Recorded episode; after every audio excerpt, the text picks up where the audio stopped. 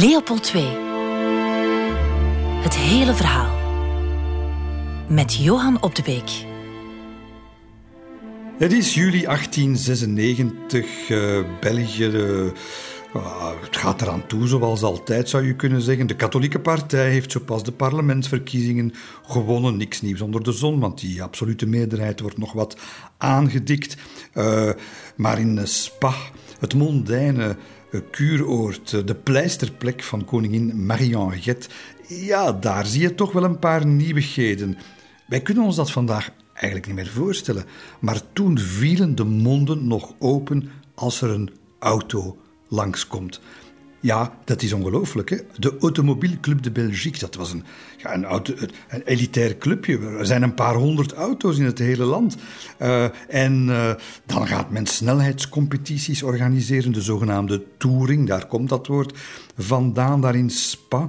Uh, rondrijden met de wagen als toerist eigenlijk. Hè. De benzine, die koop je nog in bussen bij de apotheker. Stel, stel je voor, er worden allerlei uh, à la cachette, waar men met de auto op zoek gaat naar ver, verborgen voorwerpen. Of de course à l'enveloppe, met telkens opnieuw envelopjes die zo ergens achter een boom liggen. En dan kan je weer naar je nieuwe bestemming rijden. Dat soort pretten, ja, grandioos. En, en, en blinken, tuffen die automobieltjes daar. Of automobieltjes, dat zijn, dat zijn werkelijk rijdende forten op wielen. En over die wielen gaat het natuurlijk. Want uh, chic en mooi en, en en, en voor rijke mensen maar ook wel uh, twee essentiële elementen. Een motor moet je hebben en rubberen wielen.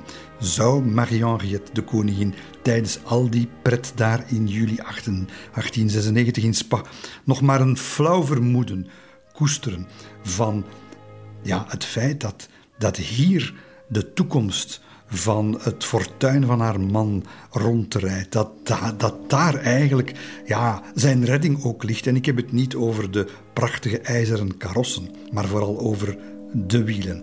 Dunlop opent zijn eerste bandenfabriek. Michelin in Clermont-Ferrand. Het gaat snel nu. Het tij keert in zijn voordeel. Want wereldwijd pieken nu plotseling de prijzen voor een grondstof die eh, in Leopolds Congo, in de État indépendant, letterlijk aan de bomen groeit. Zijn geld groeit aan de bomen. Hij wist dat het er was, maar er was geen vraag. En dit wordt, ja, dit, dit wordt eindelijk dat perspectief op de grote de grote winsten. Maar dan moet er wel snel geschakeld worden, want uh, zakelijk als hij is, beseft Leopold dat het een kwestie van, ja, van tijd is natuurlijk voor uh, de rubberproductie ook in andere delen van de wereld, uh, Brazilië en zo verder, ook gaat, gaat toenemen en dat de prijzen dan weer gaan zakken. Dat zal nog een, maar de house zal, zal zeker nog wel een paar jaar duren, maar hij moet, hij moet vooruit nu.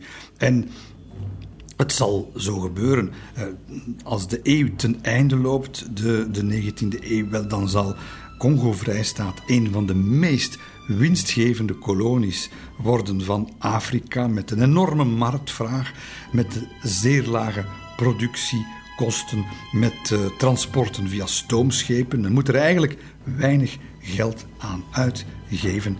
Maar de menselijke kost, die die gaat enorm zijn. En die menselijke kost gaat niet natuurlijk over arbeidskosten, over lonen, maar over de fysieke en morele ellende waarin de Afrikaanse bevolking in Congo nu wordt gestort.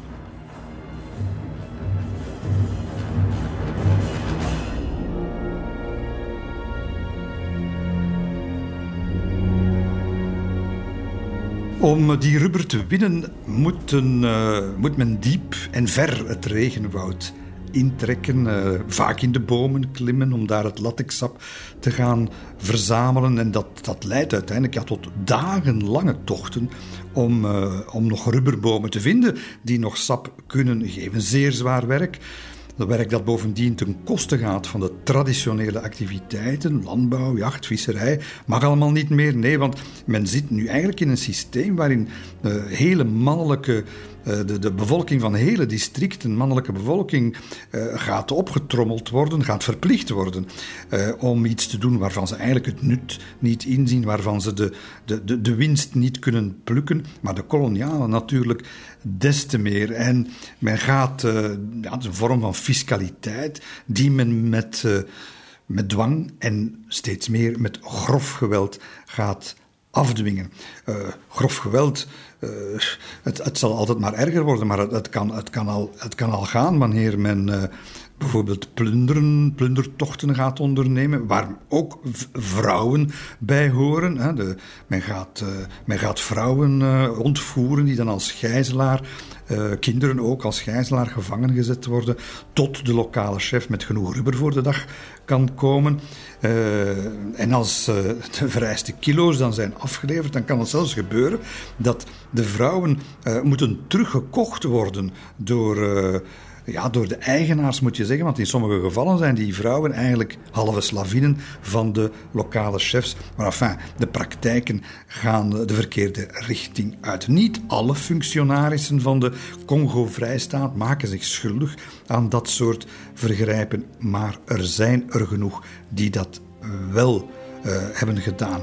En het zijn soms echt zware jongens, avonturiers die men heeft gerecruiteerd. Mannen als een Leon Rom bijvoorbeeld, afkomstig uit een, een arme familie uit Bergen. Uh, werkt eerst als administrateur, dan als districtscommissaris bij de Stanley Falls. Uh, maar ja, het is een man waar blanke niet-Belgische missionarissen van zeggen dat hij vreed is, dat hij gewelddadig is, dat hij voor het minste vergrijp Congolezen laat terechtstellen. Andere namen die uh, we moeten onthouden. Uh, de Mechelaar, Willem Frans van Kerkhoven. Er bestaat zelfs een Van Kerkhovenstraat in Mechelen. Van 1886 tot 1890 is hij districtscommissaris in Leopoldville. We hebben foto's van de man, een beetje dommige, cynische blik boven zo'n wijdlopige Arsène Lupin-snor met opstaande punten. Uh, maar hij ziet, er, uh, hij, ja, hij ziet er misschien wat clownesker uit dan hij was. Hij was gemeen, hardvochtig. Hij is een man die uh, berucht is al om, eh, om strafexpedities door te voeren. Uh, uh, krijgt een bijnaam die niet mis te verstaan is. L'ouragan, de orkaan. Waar hij passeert blijft namelijk niets rechtop staan. Ja, Van Kerkhoven uh, zal trouwens het met het leven bekopen hoor. Hij zal sneuvelen daar in, uh, in Congo. Maar het zijn mensen die, eh, als een René de Permentier bijvoorbeeld, een officier van, de, van het leger, van het Force Publiek, was een man die zich verlustigt in slachtpartijen. Hè. Ook nodeloos. Hè. Executies, dagelijkse kost. Maar de ergste van allemaal. De, die, die, die we eruit pikken, is, is waarschijnlijk de man die, uh, een, een, een Waal, hè, maar enfin, het kon net zo goed een Vlaming geweest zijn, maar het is Léon Fievé. Uh, man die actief is in het Evenaars-district. Hij is daar nog geen vier maanden aan het werk en heeft al heeft de tel bijgehouden blijkbaar. Hij heeft al 572 mensen over de kling gejaagd. En hij, hij, hij meldt met een zekere trots in zijn rapporten dat hij al tientallen tegenspruttelende dorpen heeft weggevaagd. Het woord is van hem. Maar hij slaagt er wel in om de hoogste rubberopbrengst van de hele vrijstaat op te brengen. God, waar ligt dat allemaal aan? Zeker in die beginperiode. Uh, de drang naar rubberwinsten, maar ook het, het soort van, het soort van van figuren die men daar naartoe heeft gestuurd. En ook toch wel de context. Het is de Britse missionaris George Grenfell die eigenlijk een deel van de, van de oorzaken goed weet te verwoorden. Gelet op het aantal eenzame posten dat blanke alleenstaande mannen bezetten, met slechts een handjevol inheemse soldaten, te midden van half onderworpen en vaak vrede en bijgelovige volkeren, hoeft het niet te verbazen dat meer waanzin aan het daglicht zal komen. Maar het is het systeem dat veroordeeld moet worden, meer dan het arme individu dat, overweldigd door koorts en angst, de controle over zichzelf verliest en zich te buiten gaat aan vormen van intimidatie om zijn autoriteit hoog te houden. Ja, hij ziet dat eigenlijk goed hoor. Die, die, die missionaris. Congo wordt in handen gegeven van, van mensen die, ja, die van wereld zijn veranderd. En daar met die nieuwe wereld geen raad mee weten. Hun individuele situatie, hun, hun geaardheid van die, van die functionarissen. Het kan natuurlijk niet de enige verklaring zijn, zeker niet. Uh, de belangrijkste oorzaak, naar mijn smaak, dat is toch wel de, de manier van, van besturen. En dat wordt niet in, in Congo beslist, dat wordt beslist in Brussel. De Vrijstaat wordt nog altijd gerund door de koning en zijn secretarissen-generaal met, met op kop uh, Edmond van Eetvelde. Uh, maar ja, er ligt geen recept in de kast om uh, zo'n soort staat te leiden. Aan de andere kant weten ze ook, hadden ze kunnen weten. En gaan ze steeds meer geconfronteerd worden met de feiten, met de spijkerharde realiteit dat Congo absoluut geen rechtsstaat is. Uh, er wordt wel in, in theorie wordt er aan gewerkt, maar dat, dat het recht wordt gesproken door door smeerlappen, door mannen die ook belang hebben bij een zo hoog mogelijke uh, rubberwinst. En dan bedoel ik niet de rechters in Boma, die daar veel te, veel te weinig talrijk aanwezig zijn, maar de mannen die diep in de districten zowel uh, ja, politiebevoegdheid uh, hebben, als rechterlijke bevoegdheid, als economische verantwoordelijkheid dragen voor de winning van de rubber en eigenlijk alles te zeggen hebben en daar niet toe bekwaam zijn, daar geen opleiding voor gehad hebben en eigenlijk afgaan op, op één ding, op hun instinct, op hun brutaalste instincten.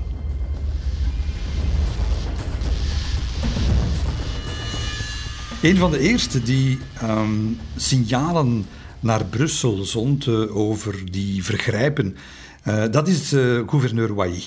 En hij legt meteen de vinger op de, op, de, op de zere plek, want hij wijst onmiddellijk naar het gebrek aan het juiste en het, het ja, moreel gehalte van dat personeel.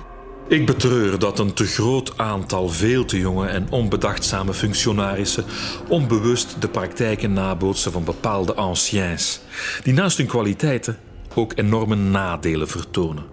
Waaronder het feit dat zij zelf eigenlijk te jong zijn, geen benul hebben van de beschaving en zich bijgevolg weinig gelegen laten liggen aan de principes die in de beschaving gangbaar zijn. Wai, hij, ja, hij verhult het een beetje, hij spint wat wol rond zijn diplomatenwoorden. Maar uh, in Brussel, wie tussen de regels kan lezen, die, moet het, die zal het begrijpen. Wai, de gouverneur, eist competentere ambtenaren. En hij zal ze niet krijgen.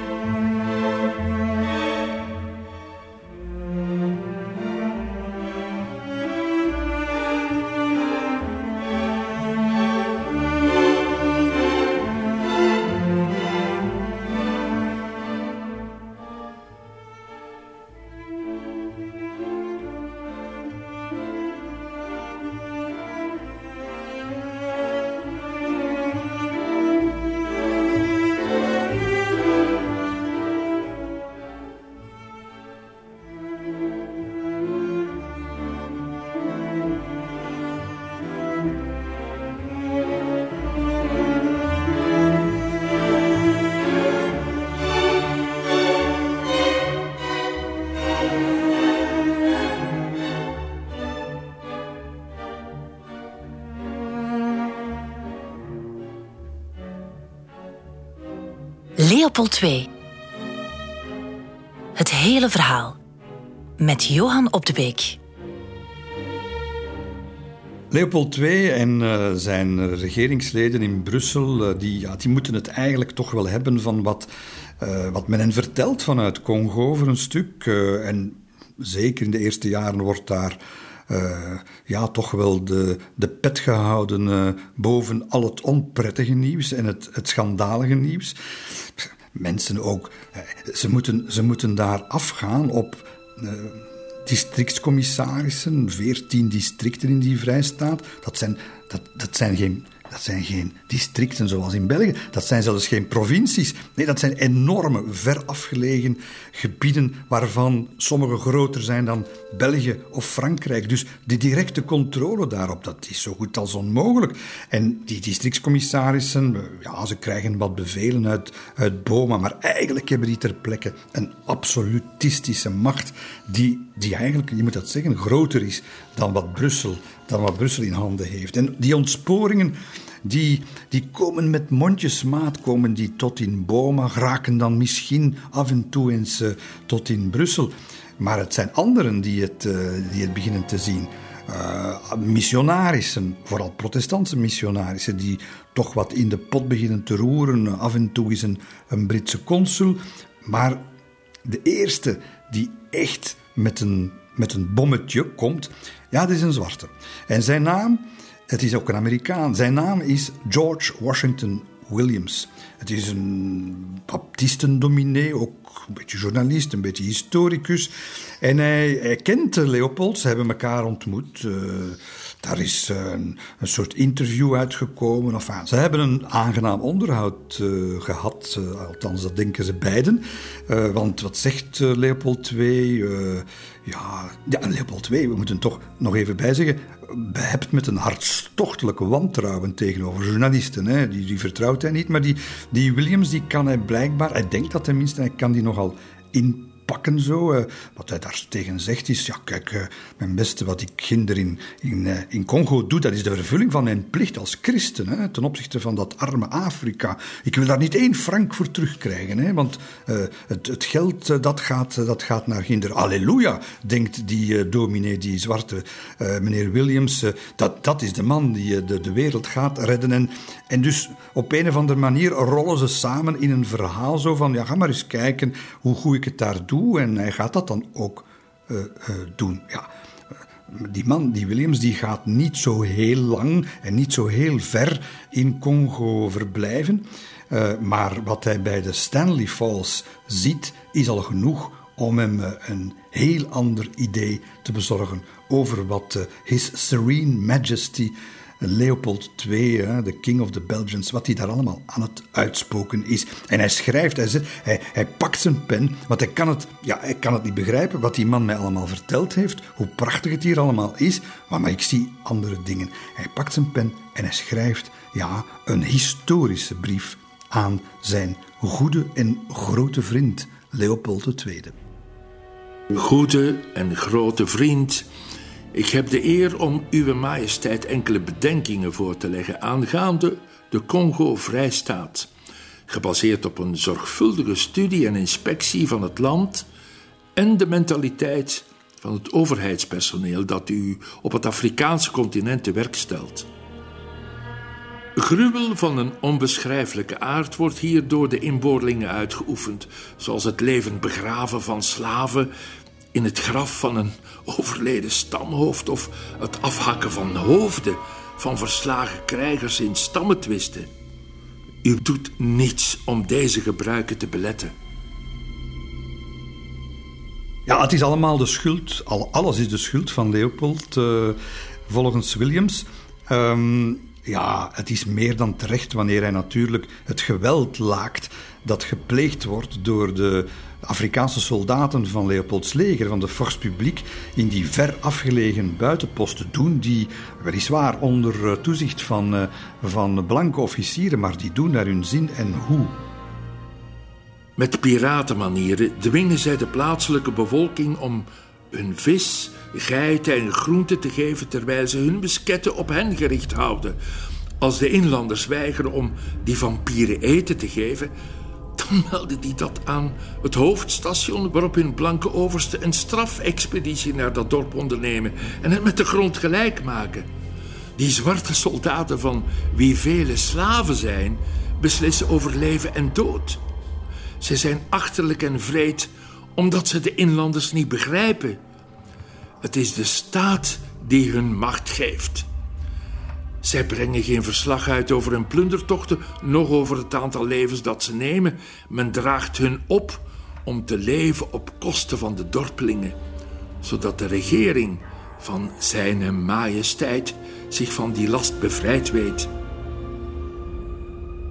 Wat mij ook interessant uh, lijkt, uh, iets wat uh, in de traditionele geschiedschrijving zo'n beetje, ja, ik weet niet waarom, maar men, men, laat dat aan de kant liggen. Dat is het, de, de, de, ja, de genderongelijkheid, om het met een hedendaags woord te noemen, om het, om het in die, de termen van die tijd, seksuele immoraliteit die zich daar in die buitenposten afspeelt. Vrouwen, dat is ja, dat is, dat is waar, hè? dat is minder dan koopwaar. En, uh, en William slaat niet uh, na om dat, om dat eigenlijk in geuren en kleuren te beschrijven. Vrouwen worden in de regering van Zijne Majesteit geïmporteerd voor immorele doeleinden. Er zijn twee methodes. Zwarten worden uitgezonden naar de Portugese kusten om daar vrouwen in te lijven als hoeren voor de blanken, die daarvoor een maandelijks huurgeld betalen. De andere methode bestaat erin dat plaatselijke vrouwen tot zeven jaar dwangarbeid worden veroordeeld voor een of ander niet bestaand misdrijf tegen de staat. Die verhuurt vervolgens de vrouwen aan de hoogste bieder. En de officieren hebben dan het voorkeursrecht. Waar Leopold, wanneer hij later die brieven zal lezen, of die brief zal lezen, nog meer van zal wakker liggen, is wanneer hij, uh, Williams dus, wanneer hij uh, ja, de, de, de vinger op een open wonde gaat leggen.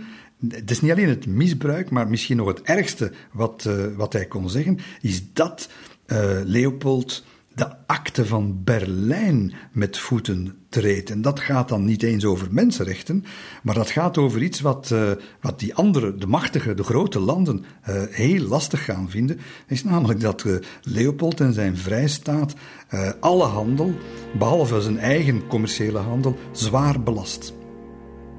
Soldaten beletten de dorpelingen om handel te drijven met anderen dan staatsambtenaren. Als ze moeilijk doen, worden hun goederen in beslag genomen. En hij komt dan tenslotte tot uh, een beschrijving van wat hem het meest heeft geschokt, die uh, George Washington Williams. Natuurlijk die brutale en soms bestiale behandeling van de bevolking. Ik beschik niet over de adequate woordenschat om zijn majesteit de brutaliteiten te beschrijven waarmee zijn soldaten optreden tijdens hun raids. Meestal gaat het om de bloeddorstige Bangala's, kannibalen, die zelfs geen kwartier schenken aan grootmoeder of een kind aan de borst van zijn moeder. Ja, Williams is die brief begonnen eh, met uh, Leopold II zijn goede en grote vriend te noemen, maar op het einde verklaart hij zijn vriend de oorlog. Hè. Hij gaat zijn brief overal laten publiceren waar hij maar kan.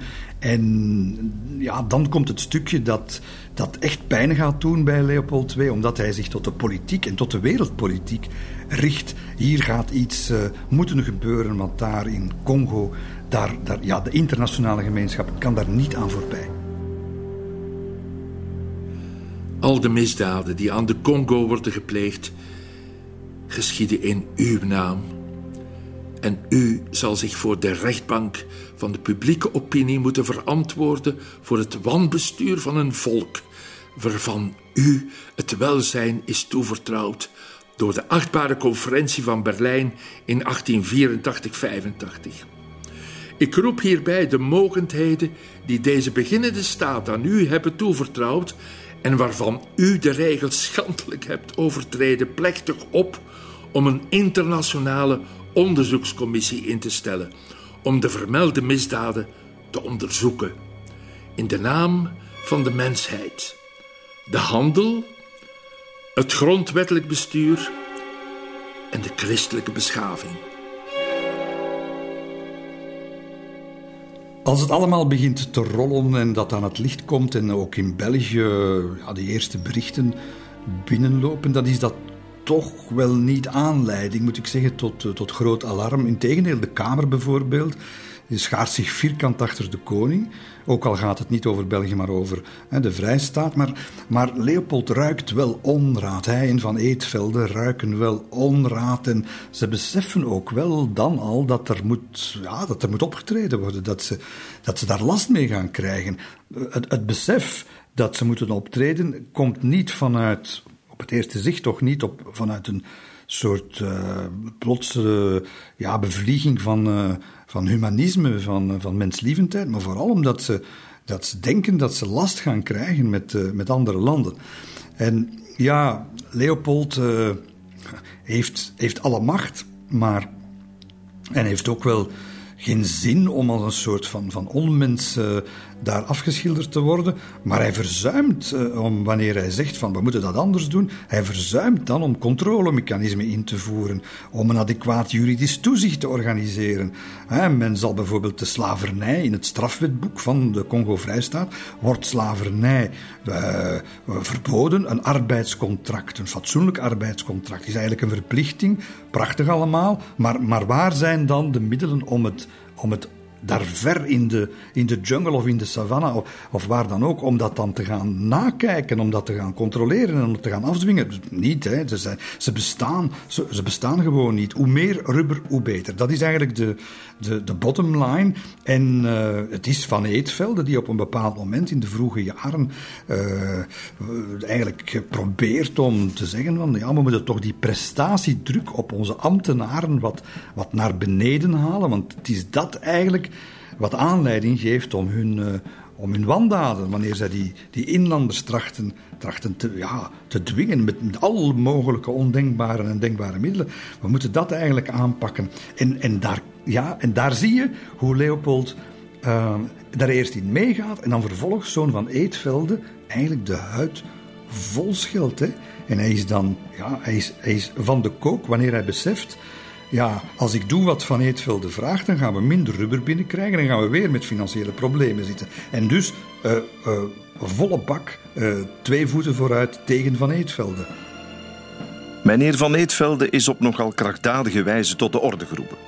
Ik alleen ben het staatshoofd. En als mijn staatssecretaris een ander beleid wil dan het mijne, belanden we in anarchie. Ik heb als enige de leiding en ik zal elke ongehoorzaamheid de kop indrukken.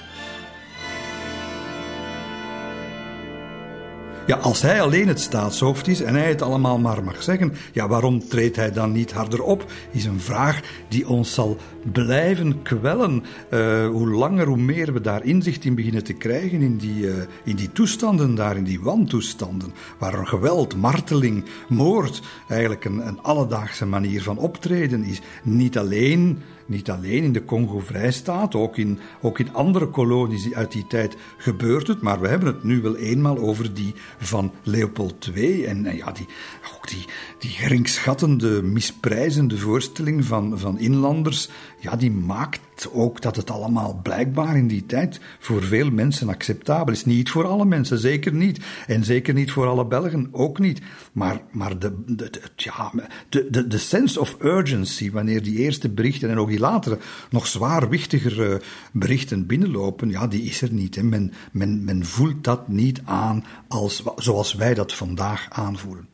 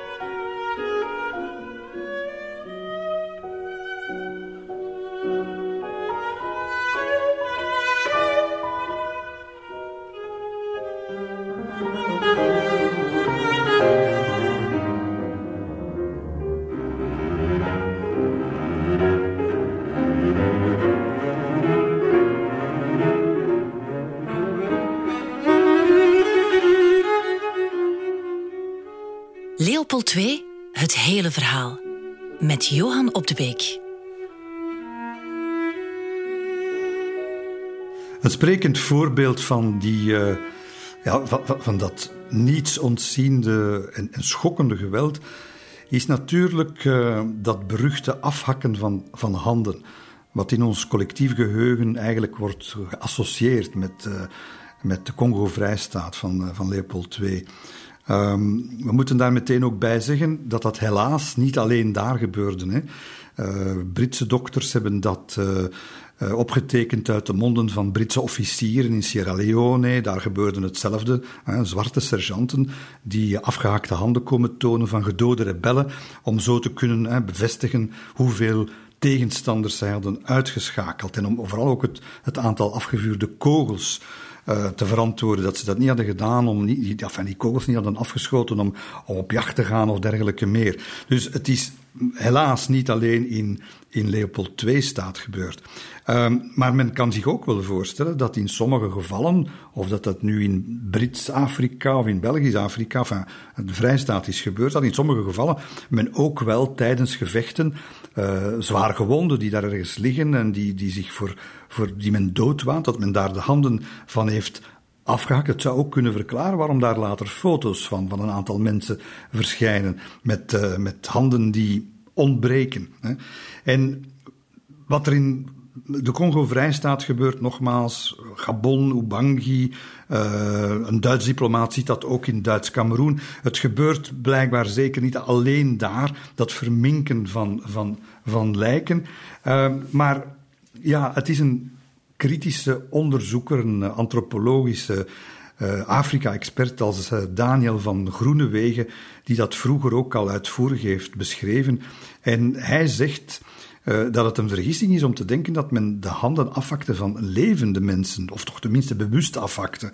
Omdat ze bijvoorbeeld uh, dat als een straf zagen voor te lage rubberlevering van Groenewegen, die, die zegt, en ik citeer, het was inderdaad zo dat de soldaten een hand afhakten, meestal van al gedode slachtoffers, als bewijs van munitieverbruik, en die dan inleverden bij de blanke ambtenaar of de districtscommissaris. Einde citaat. Dus dat draagt ook wel wat bij tot dat, tot dat misverstand, denk ik.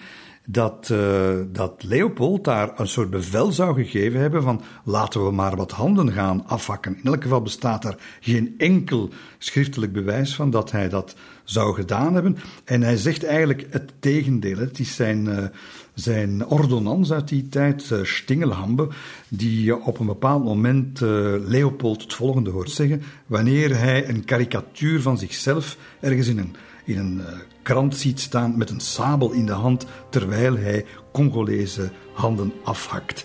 Dan slaat hij zich vol verbazing voor het hoofd en zegt het volgende. Alsof ik handen laat afhakken. Wat een idiotie! Ik zou hen de rest kunnen afhakken, maar de handen zeker niet. Als ik aan iets behoefte heb in Congo, zijn het wel handen. Misschien komt het ook omdat de, de, de, de wandaden die, die begaan worden, eh, dat soort verminkingen, maar, maar, maar vooral ook die, want het afhakken is, is zo'n sterk beeld natuurlijk, maar ik denk dat er veel ergere dingen gebeurd zijn. Die martelingen, die, die ontvoeringen, die verkrachtingen, massamoord, ja, dat, dat is nog wel andere koek geweest. Hè? Uh, en die, die wandaden die liggen denk ik ook buiten het voorstellingsvermogen op dat moment van Brussel. Men, men, kan, zich, men kan zich dat waarschijnlijk niet, niet inbeelden, hoe het er echt aan toegang, de, barbaarsheid die daar, eh, die daar gepleegd wordt. Anderzijds heeft misschien Leopold ook nooit verder willen kijken dan zijn neus. En die was toch behoorlijk lang dan zijn neus lang was. Uh, ja, is, we hebben het al gezegd. Hè? Uh, geweld en onderdrukking dat, en, en, kolonisatie, dat zijn, dat zijn dingen die in die tijd ja, passen op elkaar als een slot en een sleutel. Hè? En, en, dat men dan eens uit zijn burgerlijke deftigheid valt daar, ja, dat, dat moeten we er dan maar bij nemen. Dat zal ook wel de mentaliteit geweest zijn die men, die men had. In elk geval, terwijl men in Boma en vooral in Brussel natuurlijk humanitaire uh, idealen aan het prediken is, uh, worden die totaal genegeerd en gelogenstraft en met voeten getreden uh, op, het, op het terrein. En allemaal, allemaal om de inkomsten zo hoog mogelijk te maken. Het is um, een Amerikaanse protestantse missionaris en ook een dokter, Aaron Sims, die dat allemaal ook meemaakt in het Evenaarsdistrict. En die, die paradox tussen enerzijds die, die staat die wel waarschijnlijk wel ook wel tracht om iets goeds te doen, maar aan de andere kant verstrikt is in zijn eigen paradox. Dat wordt eigenlijk heel goed verwoord door die man. Er zijn namelijk twee staten, zegt hij. Er zijn twee staten. De respectabele, die van de bladen en de artikels. Hij strekt zich niet verder uit dan Leopold viel en de andere, de gemene en de gruwelijke, die zich uitstrekt van hoog naar laag en van links naar rechts en waar niets het daglicht kan verdragen. En hetzelfde wordt gezegd door eh, een Belgische magistraat, uh, Octave Lauwers, die er ook wat van, uh, van kent en die uh, zich verontwaardigt en die ook dat, dat beeld, die metafoor van die twee gezichten gebruikt. De staat heeft twee gezichten. Ten eerste de koloniserende en beschavende staat, vol goede bedoelingen, vernuftige ideeën, wijze maatregelen en vaak lovenswaardig optreden. Ten tweede de kapitalistische staat, die ivoor en rubber wint en alle andere mogelijke en onvoorstelbare rijkdommen en daarbij het vehikel wordt van privéondernemingen en hen bijstaat in de barbaarse praktijken die deze plegen in hun zucht naar geldgewin. De staat met twee gezichten. Uh, de staat die, uh, die zichzelf wil respecteren. En anderzijds de staat van de lijfstraffen, de collectieve boetes, de gevangennemingen, de strafexpedities, uh, de, de, het platbranden van, van hele dorpen, het over de kling jagen van, van, hele, ja, van hele dorpen. Dat, dat, is ook, dat is dan de andere kant van, van die staat. En ze weten het. Ze weten het aan de top, want het is de correspondentie, die ik trouwens in mijn boek uh, helemaal, heb, uh, helemaal heb gepubliceerd, de correspondentie van, van de gouverneur van Wai met zijn ambtenaren, met zijn officieren, wel, die is glashelder. Wanneer hij bijvoorbeeld uh, op 12 december 1891 waarschuwt en zegt dat het, dat het zo niet verder kan. Boma, 12 december 1891. Mijn heren, het is mij tijdens mijn verblijf in Opper-Congo op mondelinge en schriftelijke wijze ter kennis gekomen dat de expeditiechefs opstandige dorpen bedwingen door ze plat te branden. Dit is een inefficiënte methode. De verbrande hutten kunnen immers snel heropgebouwd worden en wij geven aan de bevolking een totaal verkeerd beeld van onze kracht en waarde. Het is niet door dit soort onderdrukking dat men hen onderwerpen kan. Het enige wat men ermee bereikt is nog meer vijandschap. Onze troepen moeten echt leren om zelfs in oorlogstijd de woonsten van de inlanders en al hun bezittingen te vrijwaren. Telkens repressie noodzakelijk is, moet deze zeer krachtdadig en duurzaam zijn, maar zonder onnodige grieven op te wekken. Als we op die wijze te werk gaan, zal onze achting voor de inboorlingen vergroten en zullen zij zich makkelijker onderwerpen aan mannen die sterker, slimmer en edelmoediger zijn dan zij. De vice-gouverneur-generaal, dienstdoend gouverneur Wai. Ja, dat is een uh, mooi citaat. Uh, dat is ook een mooie daad die hij daar stelt. Maar hoe verklaart men het dan? Dat, uh, dat hij vier jaar later, en ook dat citaat staat in mijn boek, vier jaar later, in 1895, een brief moet schrijven waarin hij eigenlijk net hetzelfde moet zeggen. Ze zijn hun greep kwijtgeraakt. Dat is de verklaring. Hij moet woordelijk die, die, die, ja, die verontwaardiging ook wel en die waarschuwingen en doe dat niet meer, het mag niet. De, wij als top staan daar niet voor. Hij moet dat woordelijk herhalen. Met andere woorden, ze doen het opnieuw, er is niks veranderd. Boma, 7 januari 1895. Mijn heren, de regering is er zich van bewust dat een krachtig optreden soms onvermijdelijk is, maar het moet een uitzondering blijven en kan pas geschieden nadat alle pogingen tot verzoening uitgeput zijn. Er zijn voldoende bewijzen dat rechtstreekse treffers vermeden hadden kunnen worden indien men de onderhandelingen had verder gezet en ze op handige wijze had volbracht. Zo kunnen we ook vermijden dat de inheemse die weinig vertrouwd zijn met de Europeanen onze bedoelingen en onze gevoelens jegens hen misverstaan. Een misverstand dat onvermijdelijk leidt tot een grotere bereidheid om extreme daden te stellen. In alle gevallen moeten vrouwen en kinderen gespaard blijven en het privébezit gerespecteerd worden. Rebellen moeten gestraft worden, maar naar verhouding en door de schuldige voorwaarden op te leggen eenmaal de vrede hersteld is.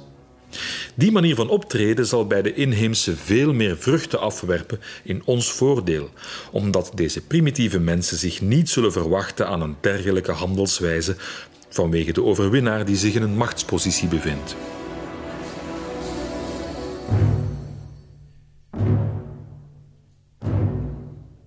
Helder is dat de top uh, geen beesten en onmensen zijn die, die zeggen doe maar wat, maar even helder is dat ja, wat ooit begonnen is als Stanley's avontuurlijke verkenningstocht langs de Congo-stroom, dat dat nu, zoveel jaren later, ontaard is in een hel.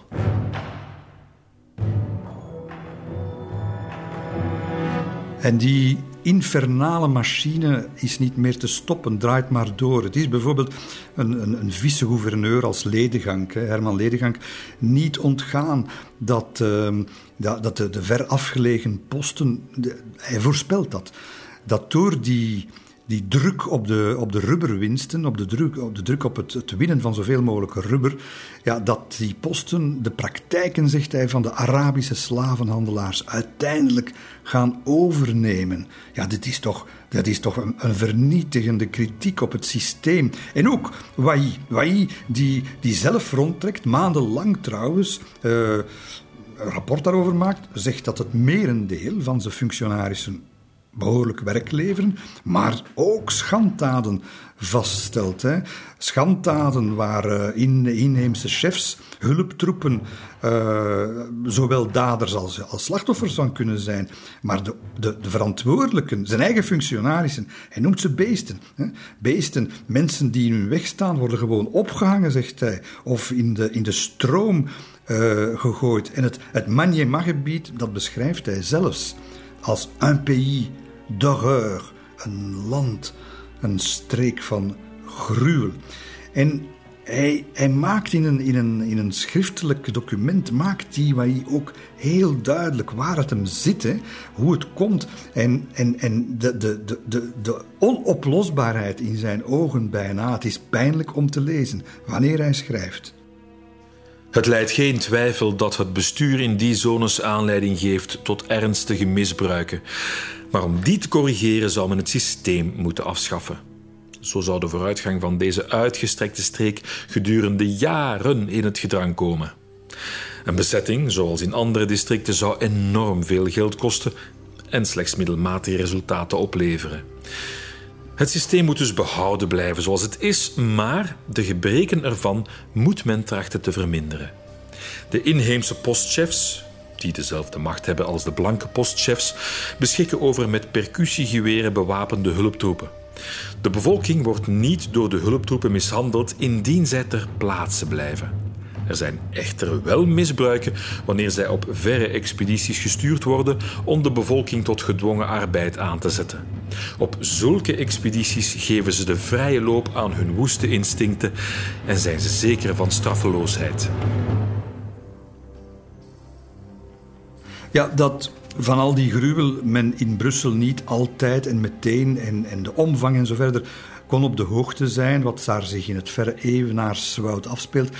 Het is tot op zekere hoogte te begrijpen, maar, maar aan de andere kant, uh, Leopold van Eetvelde en de andere verantwoordelijken, ja, ze hebben toch gelezen wat George Washington Williams heeft geschreven. Ze krijgen nu toch ook dingen te horen van hun uh, gouverneurs. En uiteindelijk wordt het, wordt het heel straf verwoord door een Vlaamse magistraat, Marcelin de Sager, die van, uh, van Eetvelde in Brussel de opdracht heeft gekregen om ja, toch eens zelf te gaan kijken in Opper-Congo wat daar, wat daar nu eigenlijk allemaal van aan is.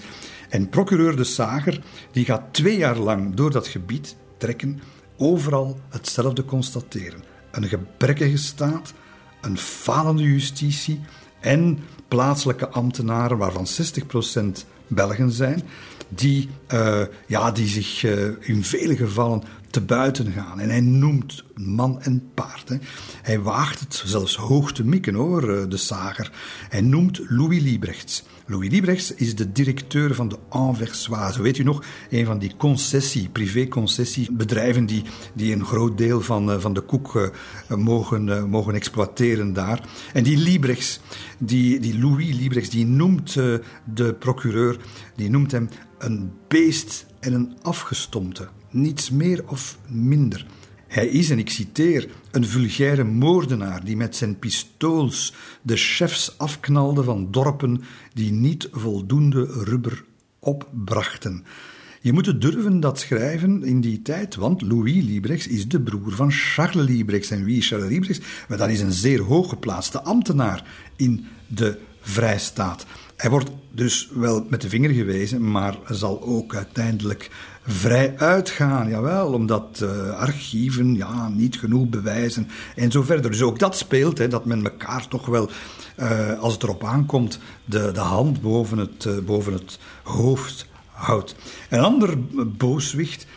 Die, die door uh, procureur de Sager met de vinger wordt gewezen, dat is de al eerder vernoemde Leon Fievé, districtsbaas in het Evenaarsdistrict eh, de man die uh, volgens de zager zelf in een rapport het volgende schreef. We hebben 2838 cartouches afgeschoten en 1546 inboorlingen gedood. Onder 62 dorpen hebben we met de grond gelijk gemaakt en de oogst vernietigd om de bevolking uit te hongeren. Ja, hallo, dat, dat staat dus volgens procureur De Sager gewoon in een officieel rapport. Men schaamt zich daar niet voor, men vindt dat blijkbaar. Dus dat is de norm, zegt De Sager. Het feit dat men dat zomaar droogweg op papier zet, betekent gewoon dat dat dagelijkse kost is daar in het Evenaarsdistrict. Het, het is niet alleen ons uh, dat dit soort verhalen choqueert, maar ook een procureur als, uh, als de zager. Het zijn dingen die mensen wel degelijk, uh, ook in die tijd, zeer, zeer boos gaan maken. Nu, en Leopold gaat dat ook weten. Hè? Hij gaat dat ook weten, want hij gaat later, even later aan Van Eetvelde, zijn minister, gaat hij instrueren dat het toch wel niet zo verstandig zou zijn om die Léon Fievé te herbenoemen als districtscommissaris. Wat betekent dat? Ja, dat betekent dat Leopold heel goed weet dat Fievé ongeschikt is, dat dat een man is die zich inderdaad gedraagt, om het met de woorden te zeggen, als een afgestompte en een beest, zoals de zager dat, dat noemt. En wat doen ze dan? Wat doen ze dan? Wel, dan gaan ze een zekere Gustave Sarrazijn benoemen als nieuwe districtscommissaris. En wel nu, die Sarrazijn, dat was gewoon de assistent van die eerder vernoemde Fievé. Een kerel die ook heeft deelgenomen aan de wandaden en misschien nog meer bloed aan zijn handen had dan Fievé zelf. Het zijn allemaal aanwijzingen dat men in Brussel, dat men in Laken de tekenen leest, maar ze verkeerd leest. Ze staan te ver af van de praktijk, zeker weten. Maar de mensen die dat niet doen, of bijvoorbeeld inspecteur van de staat Le Marinel, onomwonden, hè, zegt hij zegt die dat zo'n FIV, dat dat eigenlijk wel, dat dat eigenlijk wel een, een, goeie is. Die zegt het gebruik van geweld, ja, dat kan, dat soms nodig hè, om resultaten te bekomen. Uh, en die topambtenaar, die Georges Lamarinel toch wel is, die voorspelt ook dat het niet lang zal duren voordat ook de andere districten, ook die van de fameuze concessiefirma's, dat die tot datzelfde inzicht zullen komen. Het inzicht ja, dat het nu eenmaal niet anders gaat dan erop te slaan en erop te schieten als men economisch resultaat wil krijgen. Ja, rubber stinkt nu eenmaal naar bloed. Een dochtermaatschappij van de Compagnie du Katanga. Eh, Albert Thijs is daar de grote man. Die mag 4 miljoen hectare exploiteren. Dat, dat, is, dat is enorm. Wel, een van die directeurs daar, Emile Lemery, uh, van de Compagnie de Lomanie, wel, die, die, op een bepaald moment heeft hij zich beklaagd hè, dat het allemaal niet genoeg opbrengt, de lage productiviteit van die arbeiders dus. Uh, en hij klaagt over het gebrek aan privémilities om hen aan het werk te krijgen. Hoe kunnen wij nu ooit winst maken als het zo doorgaat, zegt hij, en hij weegt zijn woorden niet. Alleen met geweren krijg je ze hier aan het werk. Brussel zou dat beter moeten begrijpen. Maar in plaats van me aan te moedigen, schelden ze me uit. Het feit dat men, uh, dat men het wel degelijk weet in Brussel mag alleen al uh, afgeleid worden uit het feit dat er een doofpotoperatie van komt. Want heel snel gaat, uh, gaat Leopold en Van Eetvelden en zo verder, die gaan opdracht geven van oei, dit, is, dit is, we moeten vooral zorgen dat dit niet, uh, dat dit niet de wereld ingaat, want, want dat is toch eigenlijk wel nogal straffe kost. Leopold, wat moeten we ervan zeggen? Hij, hij, hij lijkt het allemaal niet te zien, te weten aanvankelijk, tot tot natuurlijk die rapporten, die brieven, die getuigenissen, ook van zijn eigen, zijn eigen procureurs, te weerzinwekkend zijn om te, om te negeren. Berichten over massale moordpartijen in het Mongala-bekken krijgt hij plotseling te lezen. En dan valt wel op, en daar zijn heel duidelijke getuigenissen over, dat Leopold daar, daar kwaad over is. Hè. Hij is daar toornig over. Hij begint wel echt zijn staatssecretaris van Eetvelde, Binnenlandse Zaken, hij begint die toch wel aan te manen. Hè. In stevige bewoordingen dringt hij aan uh, op, uh, op een andere aanpak. Ik dring aan op de minutieuze uitvoering van onze bevelen ter bevordering van de ontwikkeling en de welvaart van de bevolking van Congo, waar wij een modelstaat van willen maken. Dit zijn belangrijke woorden. Ze vormen een bewijs dat Leopold het wel degelijk op een bepaald moment anders wil. Hij wil eigenlijk in C een modelstaat, dat heeft hij ook letterlijk gezegd. Maar hij heeft zich klemgereden tussen zijn eigen botsende belangen. Hij heeft zich klemgereden tussen aan de ene kant het zogenaamde beschaven en aan de andere kant het zogenaamde winst maken. En telkens als er berichten binnenkomen van die aard, ga je hem zien reageren met klare, strenge instructies tegen die misbruiken. Vervolgens ga je dan zien dat Van Eetvelde uh, klaagt over zijn administratie, het nijpende uh, tekort ook aan geschikte kandidaten. En dus Van Eetvelde die zegt aan, uh, aan Leopold uh, we, moeten, uh, we moeten die mensen ginder een beetje ontzien. Hij heeft het dus over zijn ambtenaren. Uh, zelfs al, al gedragen ze zich wat hardhandig. Het is justitie en het dient het belang van de staat. Dat zegt Van Eetvelde letterlijk. Ja, dat belang, dat, dat floreert. Daar, daar kun je donder op zeggen. Die rubberwinsten die gaan nu echt pijlsnel omhoog. En dus dat, dat dubbelzinnige spagaat dat, waarin Leopold zichzelf zet, dat blijft dus duren je kan ervan uitgaan dat hij, voor een stuk voor de galerij, maar ook waarom niet, eh, ook uh, authentiek, dat hij verontwaardigd is over de wandaden. Maar die morele verontwaardiging, die kent nooit, die geeft hij nooit een praktisch gevolg. En altijd is er een politieke bekommernis over zijn humanitaire reputatie. Dus als hij verontwaardigd is en dat laat blijken, ook naar buitenuit, dan één, praktisch zonder gevolg. Twee, de echte, echte reden is natuurlijk dat hij bang is. Dat hij bang is dat zijn reputatie, dat dat, dat humanitaire uh, schaamlapje, dat hij de hele tijd probeert te hangen voor zijn, voor zijn, uh, voor zijn beleid in, uh, in Congo, wel dat dat in het gedrang gaat komen, dat dat gaat afvallen en dat men gaat zien wat voor iemand hij in werkelijkheid is of in de perceptie is. Dat is meestal de reden waarom hij, waarom hij begint te roepen en te tieren. Ondertussen niet vergeten, invloedrijke vrienden ook. Hè. Uh, de Guggenheim-groep, de groep Rockefeller in Amerika, die nemen het voor hem op. Die, zijn, die staan achter hem. En, en zeker en vast de belangrijkste partij die hem steunt. Ja, en die hem steunt op het vlak waar hij het absoluut het beste kan gebruiken, namelijk de morele uh, rechtvaardiging van wat hij doet. Wel, dat is de alomtegenwoordige en in België zeker zeer belangrijke katholieke kerk.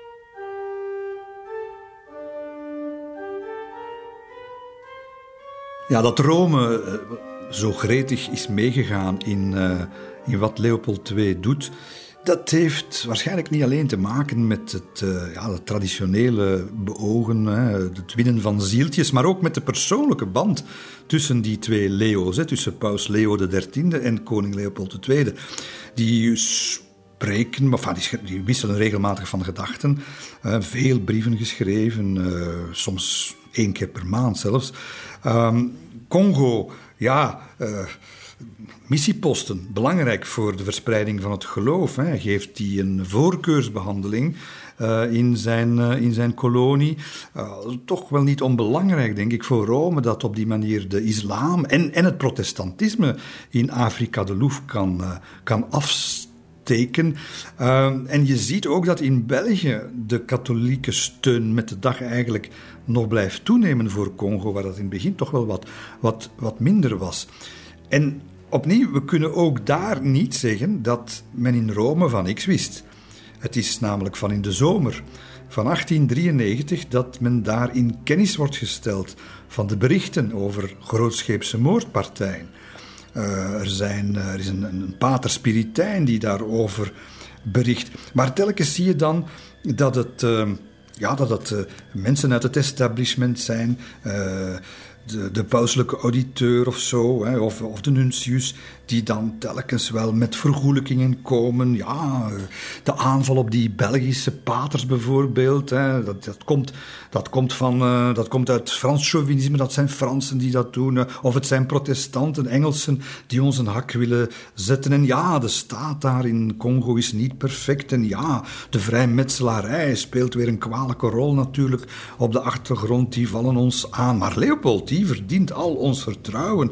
Christelijke strevingen, dat is wat hem beweegt. En dat blijft zomaar, dat blijft zomaar duren, jarenlang. Uh, men, men, men, men treedt niet op, wat zeg ik. Men blijft hem eigenlijk steunen. Hè. Ook een, een, een pater schutist als Constant de Deken, ook die is, uh, is eigenlijk volle bak, is die eigenlijk uh, is ooggetuigen. Heeft de veldtochten meegemaakt tegen de Arabische slavenhandelaars, kent die barbaarse praktijken en noemt daarentegen de blanke officieren bewonderenswaardige voorvechters van de beschaving.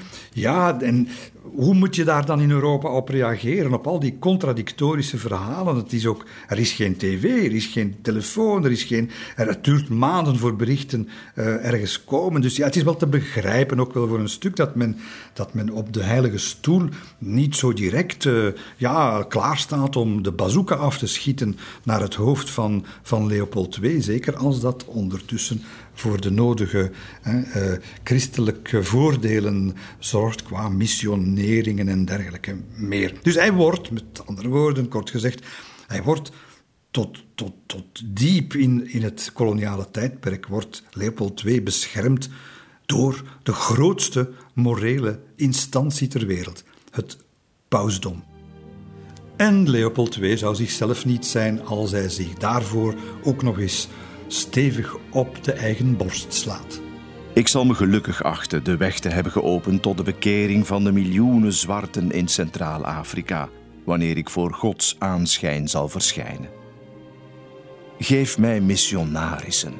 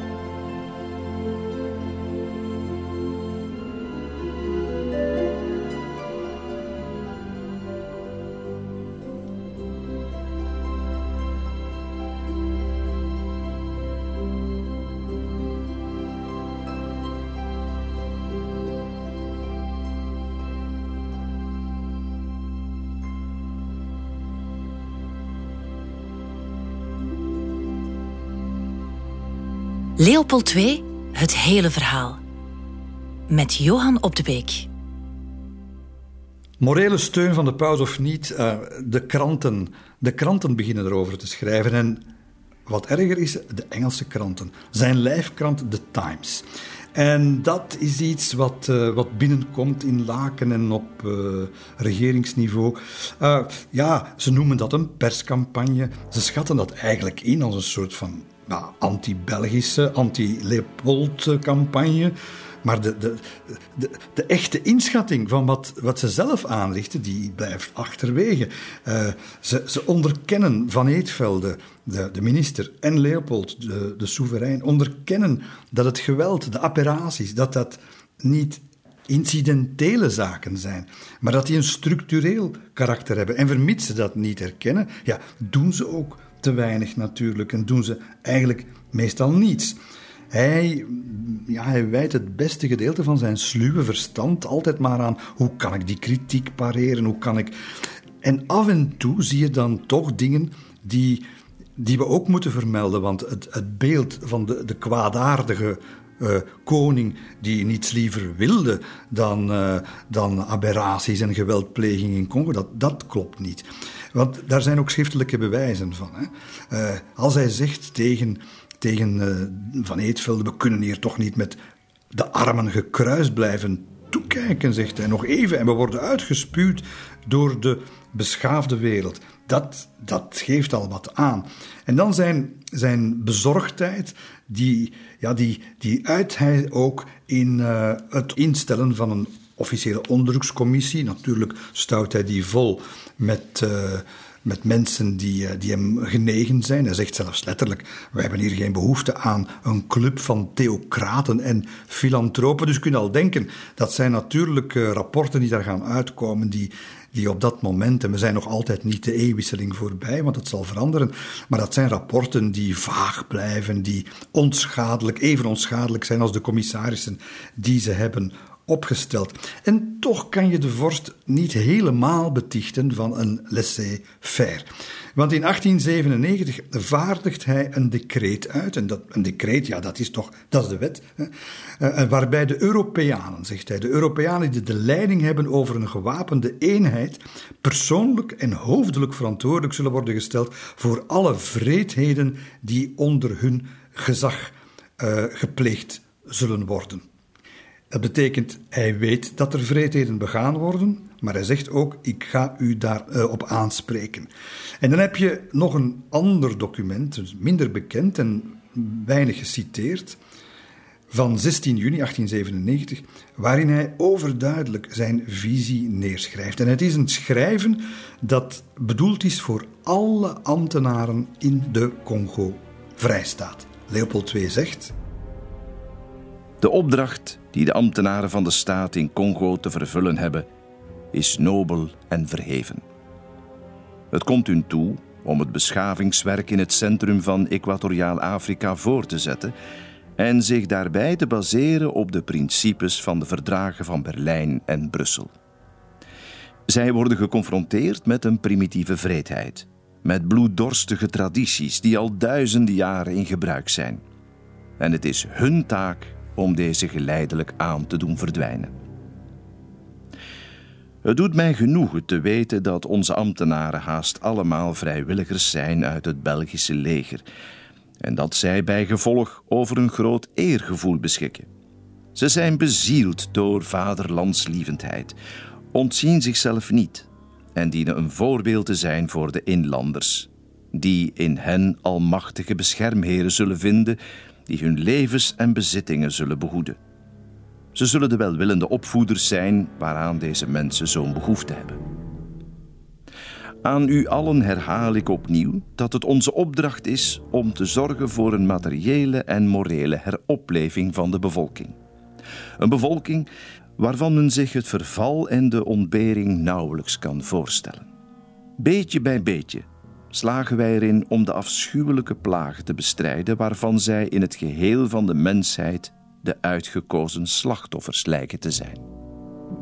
En dat is niet de laatste keer dat hij zulke dingen schrijft. Uh, uh, ook wanneer uh, in mei 1897 zijn vrouw zich er even mee bemoeit, de koningin, die zegt van wat is dat daar allemaal? dan gaat hij opnieuw aan Van Eetvelde een bevel geven ik citeer om uiterst strenge orders in Congo uit te vaardigen. Grimmig is hij. Uh, hij dreigt ermee. Hè. Je krijgt geen pensioen meer, geen, geen medailles meer en zo verder. Als we nog van dat soort dingen horen, vreedheden, dat moet gedaan zijn. Ja, oké. En dan vervolgens, de bevelen zijn uitgevaardigd, de ink is nog niet droog.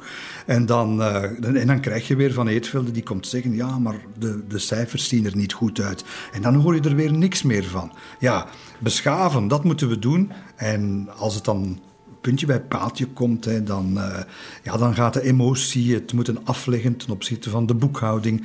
En dan gebeurt er niks. En dan hoor je nog heel weinig van die concrete maatregelen. En je, je, je voelt ook de, de, ja, ik zou bijna zeggen, de, de vertwijfeling die daarover uh, woedt in, in de geesten en de harten bij zo'n Van Eetvelde bijvoorbeeld. De man op wiens schouders al de praktische toepassingen van die fraaie principes rusten. Uh, want die, die schrijft, het gaat moeilijk worden Ik heb altijd getracht te manoeuvreren tussen al die uitdagingen. Praktijken die vredaardig zijn en de toets van het moderne geweten niet kunnen doorstaan. Het instorten van het publiek gezag, de financiële ondergang, de gevaren van verre expedities, de menselijke beproevingen die daarginds voortsproten uit het klimaat. Dit is allemaal een zware opdracht en tot nu toe ben ik daarin redelijk goed geslaagd, zo meen ik.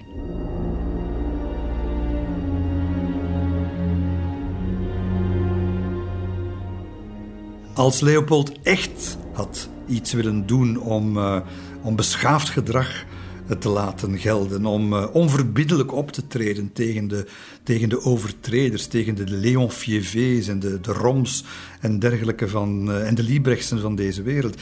Wel, dan had hij natuurlijk voldoende uh, en geschoolde ambtenaren naar Congo moeten sturen met een serieuze omkadering en een controlemechanisme en een echt juridisch apparaat. Wel, daar was geld voor nodig. En dat geld, dat geld heeft Leopold II nooit kunnen nog willen op tafel leggen.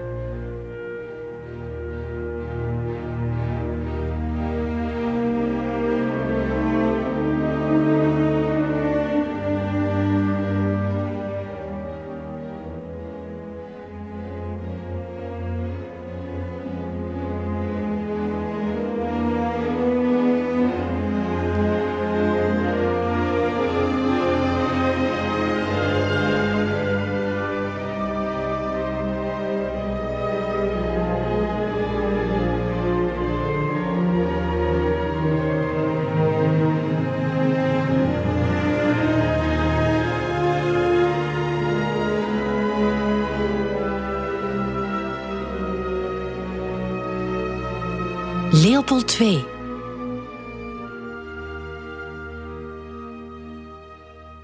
In België krijgt Leopold II ook problemen met zijn Congo-beleid.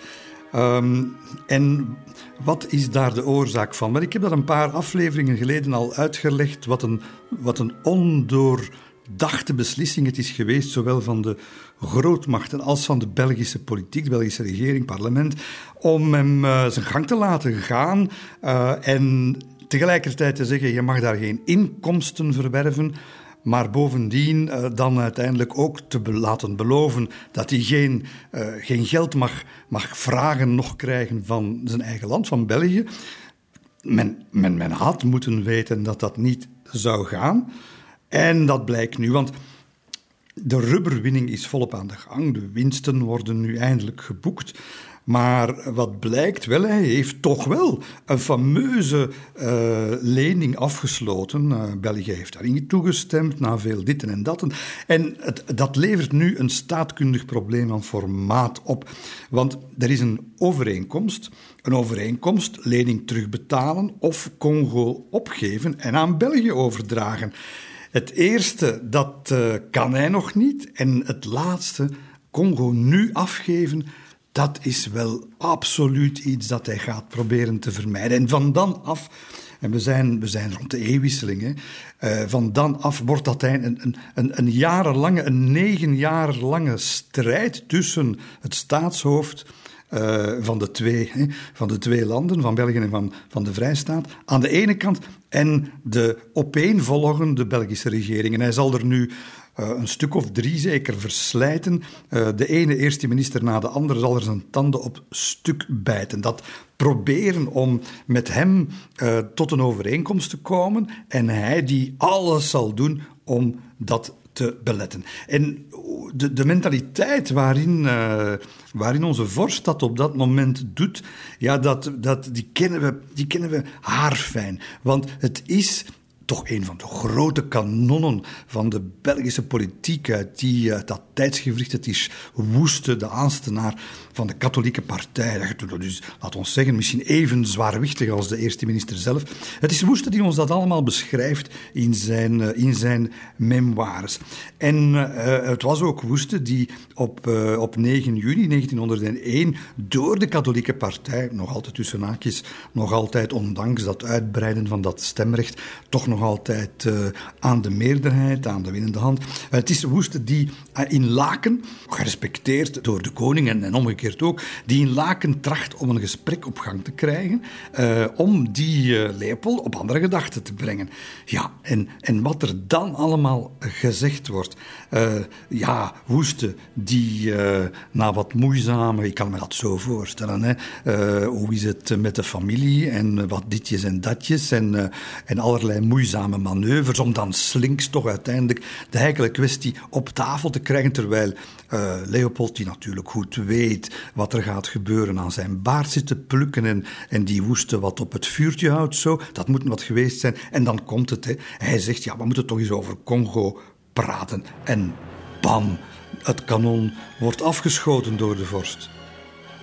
België is niet klaar voor een overname. Reken niet op mij om de boel op orde te houden tot jullie een eigen Congolese regering, leger en administratie gereed hebben. Indien er nu voor aanhechting wordt gestemd, dus nog voordat het moment aanbreekt waarop Congo aan België al het profijt kan schenken dat ik wens dat ons land krijgt, dan zal ik vanzelfsprekend weigeren om het bestuur van het land voor te zetten. Of om deel te nemen aan een soort van overgangsregering die alleen maar tot chaos zou leiden met slechts verwarring, problemen en misrekeningen tot gevolg.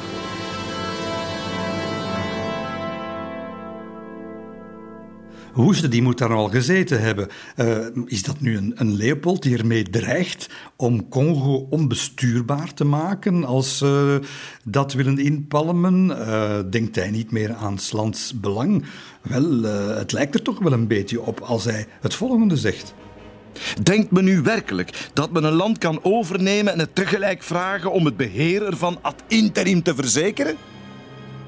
En dus begint Leopold uh, allerlei trucken uit zijn hoge hoed te toveren. Ja, hij heeft inderdaad wel uit vrije wil dat akkoord gesloten, maar het is niet het moment. En op een andere keer zal hij uh, zeggen: Ja, je bent daar niet klaar voor, of ik ben er niet klaar voor. Uh, dat, dat, dat, voortdurend het ene excuus na het andere. Ah ja, want het geld begint nu eindelijk binnen te komen. Puur financieel kun je dat ook wel begrijpen. Als je uh, abstractie maakt van alle andere problemen die zich in Congo voordoen. Hij heeft geïnvesteerd, hij wil nu oogsten. Maar ja, uh, dat heeft hij ook gedaan dankzij opeenvolgende uh, financiële steun van, van België. Dus ja, een heel moeilijk probleem. terugbetalingen van leningen, hij kan dat niet doen en zo verder en zo verder. En ik zeg het, dat gaat dus eigenlijk die hele laatste regeerperiode in de, de eerste decade van de 20e eeuw totaal beheersen. Intussen uh, houdt die eh, internationale kritiek op eh, de gebeurtenissen in de Congo-vrijstaat natuurlijk niet op. En dat leidt, zoals enkele jaren al bezig is, steeds meer tot zowel verontwaardiging als radeloosheid bij die koning. Uh, wat doet hij? Weer, weer, het zoveelste besluit neemt hij. Ja, vanaf nu gaat de ridderlijke onderscheiding van de, en dat was zeer gegeerd in die tijd, de koninklijke orde van de leeuw. Ja, want dan gaan er vele deuren toch wel open voor de mensen die die krijgen. Wel, die gaan alleen nog gegeven worden aan, en ik citeer, kandidaten die trouw onze bevelen hebben opgevolgd en die geen bloed aan hun handen hebben. Ja, wangedrag. Hij gaat het allemaal sanctioneren vanaf nu. Uh, vreedheden, het kan niet meer. En hij zegt tegen uh, staatssecretaris Liebrechts, die nu eventjes overgenomen heeft van uh, Van Eetvelde, zegt hij het volgende. Er moeten voorbeelden gesteld worden. Deze gruwel moet stoppen, of anders trek ik mij terug uit Congo. Ik zal mij niet laten bevuilen door bloed en modder. Dit kwaad moet de kop worden ingedrukt. Ja, voorbeelden moeten er gesteld worden, maar er worden geen voorbeelden gesteld of veel te weinig. Ehm, al gezegd natuurlijk, we, we hebben te maken met een spagaat. Uh, aan de ene kant wil hij het niet wat daar gebeurt en aan de andere kant onderneemt hij maar niets of veel te weinig om, uh, om dat land uh, en vooral die bevolking te beschermen zoals het zou moeten. En de prijs gaat nu stilletjes aan toch wel zwaar worden. Want er staan nu echt mensen op in de Verenigde Staten en vooral in Groot-Brittannië. Tussen haakjes de Britten hebben natuurlijk ook nog andere dan humanitaire redenen om, uh, om Congo te bekritiseren. Want ze hebben dat eigenlijk een beetje uit handen laten glippen zo, terwijl ze daar misschien wel zelf plannen mee hadden. Maar goed, dat uh, doet niets af aan het feit dat er een zekere uh, Morel gaat opstaan. Edmund Morel, een, een werknemer bij een Britse rederij, eigenlijk varend trouwens met schepen van de Compagnie Belge Maritime du Congo. Dat is een een dochteronderneming van die Britse rederij die op Congo vaart. En die Morel die vindt een tweede roeping in, uh, in de journalistiek. Uh, enfin, journalistiek, het is een beetje activisme dat hij verwart met, uh, met journalistiek, maar toch. Hè. ook een man trouwens die nooit een voet zal zetten in Congo, net zoals Leopold II zelf, maar wel denkt dat hij weet wat daar gebeurd is uit getuigenissen, uit brieven. en het zijn er vele natuurlijk die binnenstromen over de misbruiken en de wandaden die in Congo gepleegd worden. En dat wordt een echte perscampagne waar ook anderen zullen aan meedoen. We moeten daaraan toevoegen, ik heb het woord uh, activisme laten vallen, dat wil eigenlijk zeggen, je doet niet meer aan objectieve journalistiek en dat wordt, dat wil ik er ook even bij zeggen, door de voorzitter van de Britse Journalistenbond op dat moment, die gaat daar tegenin, die waarschuwt daarvoor... Uh, Sorry, zegt hij, maar niet alles wat die, wat die Morel uh, schrijft en publiceert is zomaar als zoete koek aan te nemen. Dat mag allemaal wel zijn, maar Morel baseert zich niet op zijn fantasie. Hij baseert zich op, op, op die getuigenissen, schriftelijke getuigenissen. En ook natuurlijk op de foto's die plotseling binnen beginnen te komen, gemaakt door Britse missionarissen van, van mistoestanden. Ook de fameuze mensen met maar één hand die één hand missen. En dat gaat natuurlijk, ja, beelden natuurlijk. Beelden zoals een Chinees zou, de Chinees ooit zei, beelden zeggen natuurlijk soms meer dan duizend woorden. En het zijn die beelden, wanneer ze vertoond worden, hè, eh, in, het, het, het, zijn echte, ja, shows kun je het niet noemen, maar in die tijd bestaat dat niet. Maar congregatiebijeenkomsten waarin dia's worden geprojecteerd, daar wordt orgel, dramatische orgelmuziek bijgespeeld. En het zijn vooral die beelden die nu een soort van ja, beelden kunnen meer zeggen dan duizend woorden, maar het zijn natuurlijk geen onweerlegbare bewijzen, dat moeten we er ook bij zeggen. Maar emotioneel is dat natuurlijk uh, ja, gewapend beton. Hè. Men, men, men gaat zich nu en masse, zeker in Groot-Brittannië, gaat men zich verontwaardigen over wat daar, uh, over wat daar gebeurt. En uh, dat gaat ertoe leiden dat het Britse uh, Foreign Office, hè, buitenlandse zaken, onder druk van het parlement, een onderzoeksopdracht gaat, gaat geven aan een consul, de consul, de Britse consul in Boma, in Congo, Roger Casmond, die, die dus moet gaan bekijken ter plekke, in de Opper Congo met name, wat er nu allemaal van aan is. Congo-Vrijstaat kan dat niet beletten, durft dat niet beletten zal later zelf een commissie op pad sturen om te gaan kijken of wat die Casement dan allemaal vindt wel klopt. Want het is nogal wat ontvolkte dorpen gaat hij aantreffen. Uh, grote emigratie naar Frans-Congo. Uh, uh, ook ten gevolge, niet alleen van geweld, maar ook ten gevolge van, van de slaapziekte die echt ravages aanricht. Misschien wel evenveel als het, als het geweld.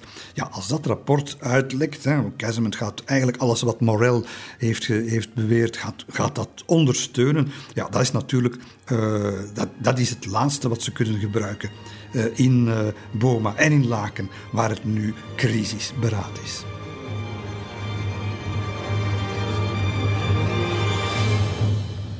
Leopold geeft dan meteen opdracht aan buitenlandse zaken. U weet wel, hij kan daar eigenlijk uh, de minister over het hoofd springen, of die laat zich over het hoofd springen, zoals we dat willen interpreteren. Maar geeft meteen eigenlijk opdracht aan alle Belgische ambassades uh, dat uh, de Congo-vrijstaat, om, om dus te, te laten weten dat de Congo-vrijstaat zal antwoorden. En op welke manier ja, dingen waar hij vroeger misschien nog mee wegkwam, uh, maar, maar die nu geen, ja, geen stand houden. Maar hij blijft er zich op beroepen. Hè. Het afgezaagde cliché dat de Vrijstaat een soeverein land is, waar het buitenland zich niet mee te bemoeien heeft, dat bijvoorbeeld. Uh, een versleten stelling natuurlijk, uh, die, die geen rekening houdt met, met, met de emotie, met de publieke opinie. Uh, en al helemaal niet met die, met die kuitenbijters, hè, Morel en, en en ja zo versleten als wat. Hè. Die defensieve, verkrampte uh, reacties die hij, die hij heeft. Hij begint nu zelfs wat hij vroeger, een paar jaar geleden, nog onaanvaardbaar noemde, waar we moeten tegen optreden, hè, dus die, die gruwelijkheden. Hij, hij, begint het nu te, hij begint het nu te ontkennen gewoon. Dus je ziet daar die, die Leopold die wanneer de, ja, de, de, de, de, vlammen uh, om, om hem heen oprijzen, die zich helemaal ja, in zichzelf keert en, en er is niks mis en, en we, gaan dat, we gaan dat straalhard ontkennen en het zal wel overwaaien. Wat, wat een fout van die toch strategische denker. En ze laten, ze laten het niet liggen. Hè. Lang heeft de Belgische politiek... Uh, ze konden niet op tegen hem, laten we het maar zeggen zoals het is, maar dat is ook gedaan. Hè.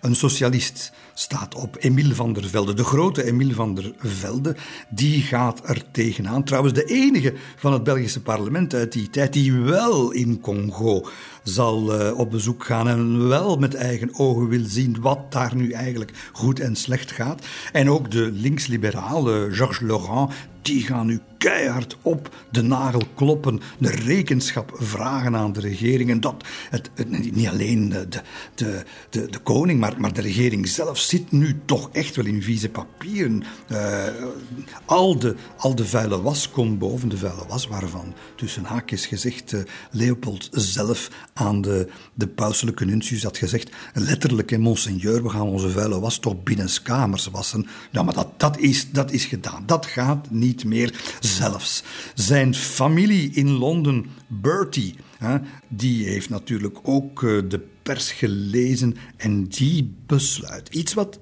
vrij uniek is, on, ongezien is tussen koninklijke families, om de solidariteit tussen uh, ja, troons, uh, troonsgenoten, enfin, moet je dat zeggen, tussen koningen, om die, om die op te zeggen. Het is een soort politieke lepraleider geworden, die Leopold, te mijden. In het nauw zit hij. Uh, gaat nog even aan de paus uh, zijn, uh, zijn mouw trekken. Hè. Pius X. brief waarin hij zegt: zeg, we moeten toch samen iets doen om dat machiavellistische complot tegen de vrijstaat het hoofd te bieden. En zo gaat dat maar door. Uiteindelijk bedenkt hij toch nog iets slims. Hij zegt: ja, als ik nu eens bewijs dat het allemaal niet waar is. En ik stuur een onafhankelijke internationale onderzoekscommissie naar Ginder eh, om, dat, eh, om dat te gaan ontkrachten. Het zal gebeuren. De Philippe Viel vertrekt op eh, 15 september 1904 met een, eh, een aantal eh, eh, magistraten, geleid door een Belg, maar ook met andere nationaliteiten aan boord. Ja, het zal wel zijn. Uh, zij komen, zij vertrekken met het idee uh, dat ze gaan kunnen bevinden dat het allemaal niet zo erg is. Maar ze gaan terugkomen met de vaststelling dat de onaangename verrassingen in Congo nog veel en veel talrijker en ontzettender zijn dan ze ooit hadden durven vermoeden. Nu, de strijd die Leopold II eh, in België voert om die Congo-vrijstaat te behouden, dat is niet zomaar een zwart-wit verhaal. Hè. Veel van wat we denken over hem is zwart-wit, maar ook dit is niet zwart-wit, want achter het discours van zowel de koning als van de, de critici, uh, of de meeste critici, schuilt eigenlijk uh, geen, geen echte humanitaire strijd, maar een keiharde economische strijd. Hè, van Belgische belanghebbenden vaak, hè, van buitenlandse, maar ook Belgische belanghebbenden. En het zijn niet alleen de grote zakenlieden die gewonnen zijn voor, uh, voor een, een kolonie. Uh, het, zijn, het is ook een, deel van de middenklasse die daar, die daar echt op aandringt. Uh, maar om van zakenlieden te spreken, Albert Thijs, eerder al genoemd, hè, een grote naam in het zakelijke verhaal, die, die gaat in een, in een open brief uiteindelijk zelfs aan de Belgische politiek zeggen, uh, let op, en ik citeer, als de arbeider niet meer kan werken, en hij heeft het over de Belgische arbeider, hè, als de arbeider niet meer kan werken, welke maatregelen resten nu dan? Het socialisme woekert voor onze poorten, zegt hij. En hij, hij bedoelt dus eigenlijk, zorg maar, je gaat toch dat, dat land, dat enorme land niet weigeren. Je moet dat binnenhalen, want dat wordt, dat wordt onze onze redding misschien zelfs. Dat ligt mee aan de basis van die strijd. En dan begrijp ik ook wel een beetje Leopold II, die zegt van ja, maar ik heb hier de risico's genomen. En nogmaals, we maken abstractie nu even van de, van de, de, menselijke kant van de zaak. Maar als je puur naar de zakelijke kant kijkt, ik heb de risico's genomen, zegt hij. En nu, nu gaan de anderen, en met name België, ermee lopen. En hij kan daar niet tegen. Hij gaat zo ver, hij zegt tegen zijn, zijn ordonnance, hij gaat zo ver om... Uh, om de, om de archieven voor een stuk in de vlammen te laten opgaan. Ze kunnen Congo krijgen, zegt hij, maar ze hebben niet het recht om te weten wat ik daar heb gedaan.